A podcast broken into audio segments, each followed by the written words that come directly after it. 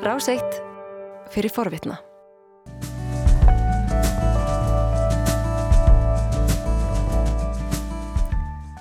Þetta er morgunvaktin á Ráseitt, klukkan 6 minútur gengin í nýju og það er 5. dagur, 14. júli. Basteludagurinn eins og uh, við rættum við Rósubjörg Brynjúlsdóttur í París hér fyrir frettinnar. Við haldum okkur áfram í útlöndum. Það er 5. dagur og frettir klukkan 8 að baki og þá er komin ynga til okkar Bói Ágússon. Góðan dag. Góðan dag. Við ætlum að uh, tala um líðræði. Við hefum kynnt það fyrir hlustundum í morgun að það sé uh, svona á dagskráni Mhm. en uh, annars vegar sértækt, við ætlum að tala um Breitland Mhm. og svo ætlum við að færa okkur svona í, í stærra samhengi. Það eru þetta þetta leiðtóa kjör, uh, ekki að byrja þar, það Jú. er hafið í Breitlandi og uh, strax búið að uh, vinsa nokkra frambjóðundur úr. Já. Mm, Tveir sem að fjallu út í gær samkvæmt að reglum 1922 nefndarinnar sem eru, eru reyni bara þingflokkur uh, íhalsflokksins, getum við sagt almennra uh, þingmanna. Það hafa allir atkvæðisrétt og við séu líka ráþærar en það er sagt 1922 nefndi sem að skipulegur þetta og setti niður reglunar um að enginn kæmist áfram nefn hann hefði stuðninga minnst að kosti 30 annara þingmanna. Og það feldi tvo. Og þar meðal Jeremy Hunt sem að var í uh, úsliðtónum á móti Boris Johnson 2019 og þá, fel, þá stuttu hinn almenni flokksmenn uh, Boris Johnson reglunar eru síðan þannig að það er korsið, það verður korsið aftur í dag, þá dettur úr sá sem að fær fæstatkvæði og svo verður uh, koll á kollið, þá verður bara tveir eftir og þeir fara síðan til uh, kjörs hjá almennum uh, já, félugum í íhalsflokkunum sem er eitthvað á annað hundrað þúsund. Menn hafa nú verið að gangrýna að þetta sé afskaplega lítið líðræðislegt vegna þess að þjóðin, það eru 47 miljónir á kjörskráfi Breitlandi uh, og það eru rétt umlega 100.000 uh, sem að velja í raun fórsættisráþarann þetta var gaggrind líka síðast þegar Boris Johnson uh, tók við hann sótti sér síðan umboð í, í þingkostningar í uh, desember 2019 en um, vegna þess að þessi 100.000 eru á engan hátt neitt þverskurður af bresku þjóðinni. Mm. Þetta fólk býr lang mest á, í suður hluta Englands, velstætt, gamalt og hvitt og uh, en á hinbóðum ású sem benda á það að þrýr af þeim sem að, að hafa komist áfram, það eru fjórar konur og tveir kallmenn og uh, þrý, þrjú af þeim eru ekki af uh, hvað ég að segja, hvítum uppruna. Mm -hmm. Þetta eru afkomendur innflytjanda sem að hafa komið til uh, á síðustu öld. En það er það þetta gaggrinin einmitt að, að því að það þetta er ekkit verið að búa til almenna kostninga samlega þessu og það þarf ekki að kjósa í Breitlandi fyrir en eftir, hvað er það, tvö ára eða eitthvað svo leiðis? Já, að sé, uh, að sé allara síðast aða í, í janúar 2025. Já. En það er nú að allar líkur, manni finnst nú að það sé mikla líkur á því að það verði korsið fyrir heldur en það já. og uh, nýr flokksleit og í muni nota tækifærið betur viðrar uh, í stjórnmálum fyrir hérsflokkin að efna til kostninga. Núna eins og er samkvæmt sumum konunum að þá verkamálflokkarum með um það byrjum 10% stiga forskot á hérsflokkin. Mm hins vegar segja sumisvett að skynundu líka það sé alveg stórkostlega merkilegt að hann sé ekki með miklu, miklu meira fórskot um, vegna þess að já stjórn stjórnin sem hefur setið frá, frá, frá áspilin 2020 ef við bara skulum orða eins og er hún hefur klúrað mjög, mjög mörgum málum mjög illa en þeir guma mjög af því að hafa verið fyrsta þjóðin sem hóf bólusetninga herrferð og hún hafi gengið mjög vel. Það gleymist í þeirri umræðu þá voru fleiri sem dói í Breitlandi en nokkru öðru vestrænu ríki og það er að mörguleiti vegna klúðuslegra viðbráða stjórnvalda við koronaviru faraldunum. En hvenar verða tveir frambjöðundur eftir í, í þessum formannslag? Hvaða dag megum við búast við því að vita hvaða tvö standa eftir? Það er líklega áður en að þingi fyrir frí 22. júli, þannig að þetta, þeir uh, munu sitja við núna bara næstu daga, þá verða eilíðar frettir af, af kostningum í 1922 nefndinni. Já, en nýðustöðunar úr þessu fyrsta, uh, fyrstu atkvæðagröðslu, þær komu kannski svolítið óvart. Já og nei. Uh, það byggust nú langflesti við því að þessi súnak fyrirverðandi fjármáru á þeirra yrði efstur en ég var að heyra þá að tali fréttaskýrinda í gerðkvöld að uh, hann fekk 88 atkvæði mm -hmm. að þeir hefðu búist við því hann fengi meira Já. færi yfir 100 uh, það sem að kemur á óvart er að Penny Mordaunt fær 67 atkvæði hún, á, hún er viðskiptar á þeirra en undir á þeirra þannig að hún á ekki sæti í hinn eigilegu ríkistjórn eða kabinett uh, sem að kemur saman til fundar á, á, á, á þriðutarsmótnum mm. uh, alltaf. Um, hún var uh, áður um mjög skammar hýð varnamálur á þeirra uh, en samkvæmt Conan Conservative Home sem er eðlumáltur samkvæmt hérna í hels veðmiðl þá myndi hún ef það kæmi til kostninga meðal almenna flokksmanna myndi hún njóta, hún, hún er því kosin, mm -hmm. hún er það vinsæl meðal, með, meðal þess liðis Já, ef hún myndi enda í þessum uh, loka tveggjamanna já. En svo, já, Liz Truss utan ekki sá þeirra, hún fær 50 atkvæð og það er miklu minna heldur en að uh, hún hafði vonast til. Hún er eiginlega svona uh, má segja mörguleiti svona frambjóðandi Borisar Johnson líðsins því að helstu aðdáðandur hans Nadine Dorris, mentamálar á þeirra og Jacob Rees-Mogg sem var á þeirra Brexit tækifæra sem er daldið sérkennilegt að sex árum eftir að uh, breytar uh, hérna að fara út í Európa-sambandinu þá stafniði sérstaklega ráð, ráð, eh, ráðuneyti til þess að skoða hvaða tækifæri fylgist í Brexit en þeir um það, hann er líka sagður sko ráð þeirra átjándu aldarinnar og Þetta lið eh, hefur fyllt sér að baki Liz Truss. Það sem kom líka talsut og óvart er að Kemi Badenoch sem er, hún er rúmlega færtug hún, hún hérna, hún fekk 40 atkvæði sem er meira hættur en búist var við og eini svona þungavíktarstuðnismæður hennar frá upphæðu var Michael Gove sem að Boris Jónsson hattar. Hún er mjög vel til hægri líka og hún þykir að hafa staðið sér afskaplega vel í þinginu, verið mjög skurulega en hún er, uh, hún hefur verið undir ráð þeirra en uh, og hún, hún, hún er fætt í ný, Nígerju, þannig að uh, það bæri nýra við ef að hún inn í þessu eða fórsættir sáþara Breitlands. Svo er Tom Tugendhat sem er 27 ára, nei, fekk 27 ára, hann, hann 37 fyrir ekki við Uh, hann, hann er sagt, formaður utanriksmálu nefnda Thingsins mm -hmm. og hann er kannski sá eini sem að ekki er uh, svona, hefur verið eða er í bórisagenginu hann er talin sem sagt nær miðjunni í stjórnmálum. Þetta er fyrirvændi hermaður barðist í Afganistan og berst fyrir því að að það verði aukin útgjöld til vartamála og fæst aðkvæði fekk Suela Bravermann sem er ríkislómaður sem er ráþæra ennbætti í ríkistjórninni í Breitlandi sem er þeirra skiplagi er náttúrulega allt, allt öðruvísi heldur en okkar.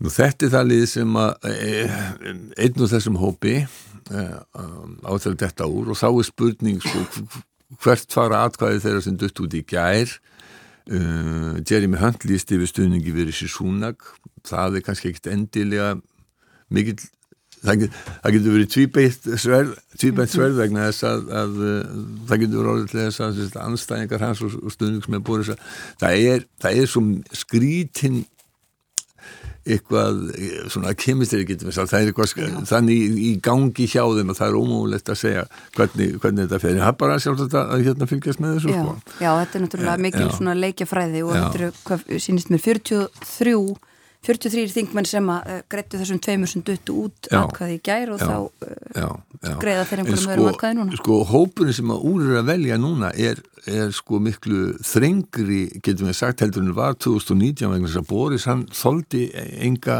hérna, sem voru ósamálunum og rak fjölda mann, manns úr flokknum og þannig að þau gátt ekki búið sér fram 2019, eiginlega alla sem að voru ósamálunum og hann krafðist þess að þetta var allt sama Brexit sinna sem að veri frambúði Uh, og þannig að það eru ekkert óskaplega margir í þessu 358 manna liði sem að uh, hérna eru eitthvað mjög ólíkir og, og, og sem sagt þetta er fólk sem er margt stifti í sama mót. Og það má eiginlega segja að engin, að það sé ótrúlegt að engin í þessu liði hafi á þessum árum sem að liðin eru frá því að Boris Johnson var, var, var kjörin hafi bent á það að keisarinn væri klæðalöður og út af því að það skorti alltaf svona innri gaggrinni þá komst Johnson upp með blekkingar og lígar og gerði hans í ennbæti fórsættis á það hefði ekki átt að koma neinum og óvart. Vegna þess að þegar hann var fréttareitar í Bryssel þá var hann alremdur fyrir að skálda upp fréttir beinlinis uh, og það var heldur engin skortur og fólki sem að fyrirfram hafi sagt að hann yrði óhæfur í, í, í ennbæti fólk sem hafi starfað með honum. Til dæmis Andrew Neil sem var rittstjóri Johnsons, hann sagði að hann var í brágrindur en með aðtiklisprest hann ætti úr einu verkefnin í annað á þess að klára hlutina. Og, og Andrew Neil sagði líka að, að Johnson væri svíkull, fláráður og óheðarlegur Já, og þetta sagði hann áður en að Þetta sagði hann að vissu eftir en sem Eftir, Max já. Hastings sem sagfræðingur og blaðamaður og, og, hérna, og, og rítöfundur, hann var rítstjóri Daily Telegraph þegar Johnson var blaðamaður þar. Og Hastings sagði 2019 í kostningabaráttinni að Johnson veri stórkostlugu skemmtikraftur en hann veri algjörlega óhæfull að gegna ofnbæri ennbætti því hann hugsaði aldrei um neitt annað en sjálfan sig og Hastings spáði því að fórsættisáþra T. Johnsons myndi einkennast að því að lög og reglur, fordæmi og góðu stjórnarhættir eruðu sniðgengin. Og Hastings sagði líka að Johnson skorti samvisku og samfæringu og hann svífist einskís og hann múið svo sem segja að fyrirlitning Johnsons á, á lögum og, og, og reglum hafi hugsanlega valdið varanlegu tjóni og, og, bresku samfélagi og bresku líðræði og stjórnmálum partistandið í, í Downing Street er, er, er svona dæmi um það en karakterbrestinu komið mjög snemma í ljós því að hann, hann reyndi að senda þingið heim í trossi við lög uh, og fekk hæstaréttadóm á, á sig og ímislegt annað eiginlega alveg frá upphafi en allt þetta lið uh, nema kannski Tom Tugendar var í því, það var enginn sem að sagði hérna, það var enginn sem bara stóð upp og sagði þetta, þetta, þetta geti ekki hérna, stutt Nei. Nei, en það er ekki búið að reyka það alla úr flokknu sem að, flokknu Jú, mjög, mjög, mjög marga sko. Uh, og það eru mjög margi sem að segja sko, þú veist að, að svíður sárt að fólk aðri, aðra ríkistjórnir vina og bandamenn tristi breytum ekki lengur vegna þess að þeir standi ekki við orðsín. John Major, fyrirhandi fórsættisáþra, hann sáðu rástefni í Vestminster í fyrra dag að, að Johnson bæri höfuð ábyrðina en margir ráþeirar og viðhlægjandur hans í þingliðinu bæri líka ábyrð. Þetta fólk hefði þagað þegar það hefði átt að hefja bröst sína og þá fyrst tjáð sig þegar að þögnin skadaði þau. The blame for these lapses must lie principally, principally, but not only, with the Prime Minister. Many in his cabinet are culpable too, and so are those outside the cabinet who cheered him on. They were silent when they should have spoken out, and then spoke out only when their silence became self damaging. John Major sagði á þessari ráðstefni líka að líðræðið væri hættu. Það væri ekki sjálfgefið. Það væri hægt að afnema líðræðið skref fyrir skref með lígum ofan á lígar. Democracy is not inevitable. It can be undone step by step, action by action, falsehood by falsehood. It needs to be protected at all times. And it seems to me that if our law and our accepted conventions are ignored, then we're on a very slippery slope that ends with pulling our Constitution into shreds. Og þannig bætti John Major við að það verður alltaf að standa vörðum er þeirra skoðunar lög og viðteknar hefðir eru ef að lögu viðteknar hefðu eru sniðgengar síðan við á hættulegri lið sem endar með því að stjórnarskráin verði einski svirði og það verður að taka fram að brettar er ekki minni inn að skrifa á stjórnarskrá heldur eh, eru lög síður og reglur sem hafa skapast í alltaf langri líðræðis hefð ígildi stjórnarskrár mm -hmm. og sko við tökum stundum sko líðræði bara sem, sem gefin hlut. En það er alls ekkert sjálfsagt og erlegt sama hérna sem að eins og margir hafa verið að benda á að, að undanförnu.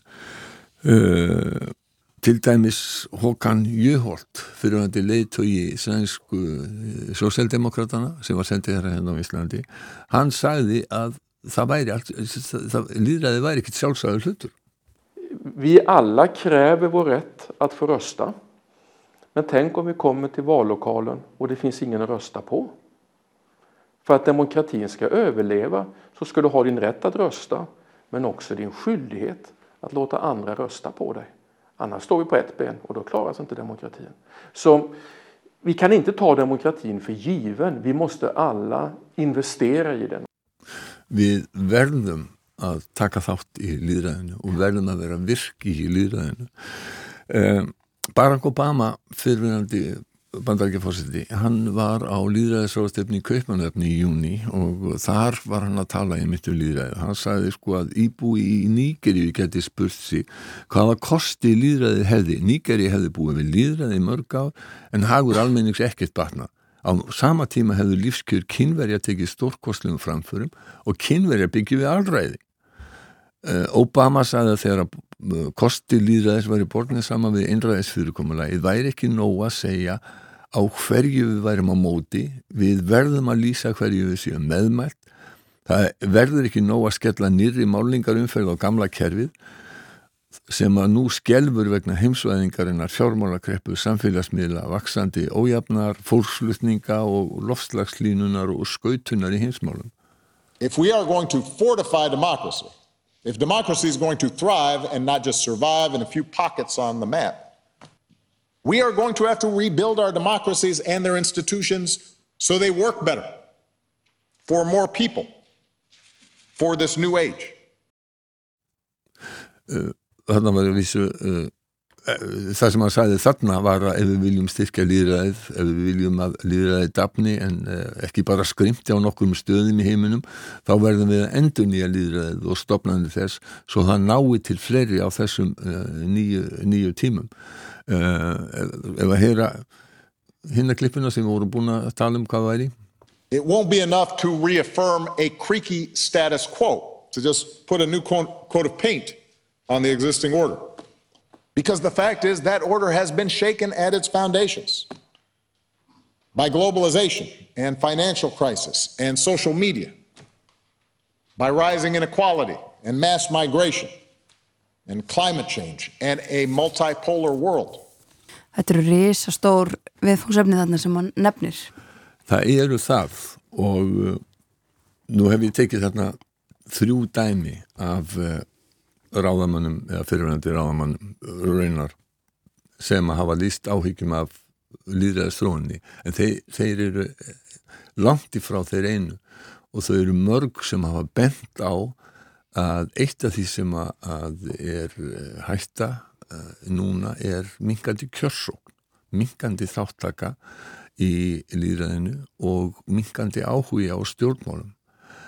Um, það er bísna alvarlegt vegna þess að eh, sko, nú er að hverfa á brott þær kynsluður sem að muna eitthvað annað heldur en líðræði og eru, eru kannski dánar.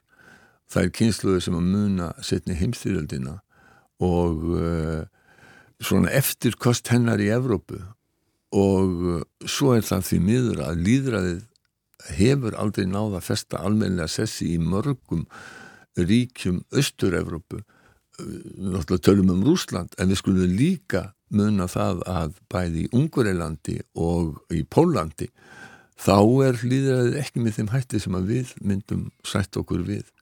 Þannig að það verður að berjast fyrir líðræðinu Það þarf að berjast fyrir líðræðinu við látum þetta vera loka orð heimsklugans í dag. Takk fyrir komin að bója Ákusson